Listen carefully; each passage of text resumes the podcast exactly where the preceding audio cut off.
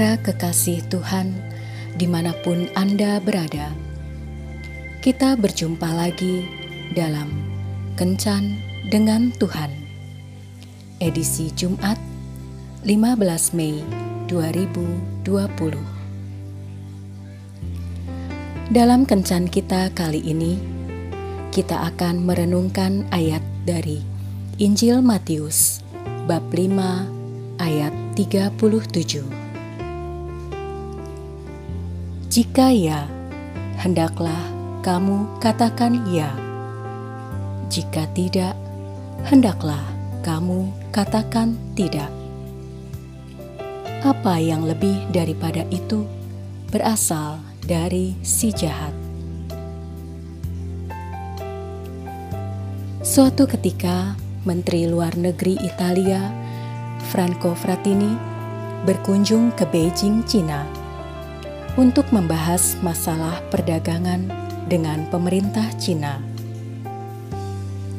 Salah satu hal penting yang dibahas adalah bagaimana menangani penjualan barang-barang palsu.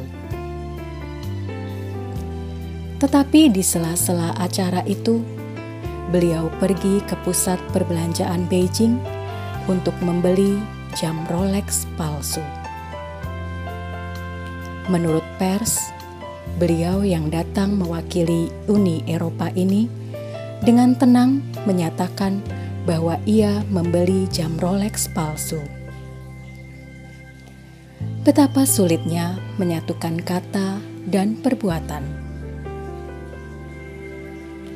Hal yang sama juga pernah dilakukan oleh Saul, raja Israel. Saul mengangkat Daud menjadi seorang prajurit yang harus memerangi Filistin dengan janji akan memberikan anaknya sebagai istri Daud. Kenyataannya, setelah tiba saatnya untuk memberikan anaknya, Saul mengingkarinya. Demikian juga ketika Saul berjanji kepada Yonatan anaknya untuk tidak membunuh Daud, janji itu diingkari lagi. Perkataan dan perbuatan Saul tidak sepadan.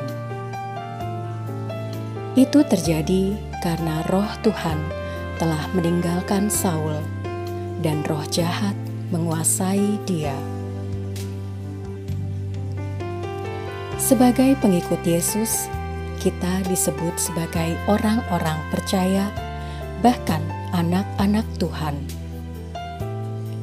Mengingat sebutan yang demikian istimewa ini, sudah seharusnya apa yang kita katakan harus sesuai dengan perbuatan kita.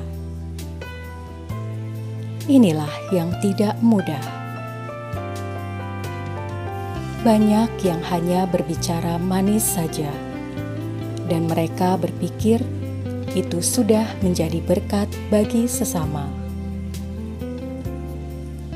Justru perkataan yang tidak dibuktikan dengan perbuatan akan menjadi batu sandungan bagi sesama. Mari kita evaluasi dalam diri kita. Apakah perbuatan kita sudah sesuai dengan perkataan kita sebagai orang-orang yang percaya kepada Yesus? Kalau belum, marilah kita berbenah diri. Tuhan memberkati. Marilah berdoa. Tuhan Yesus, mampukan aku untuk melakukan apa yang kukatakan, dan tegurlah dengan kasihmu apabila aku tidak berbuat sesuai dengan apa yang aku katakan. Amin.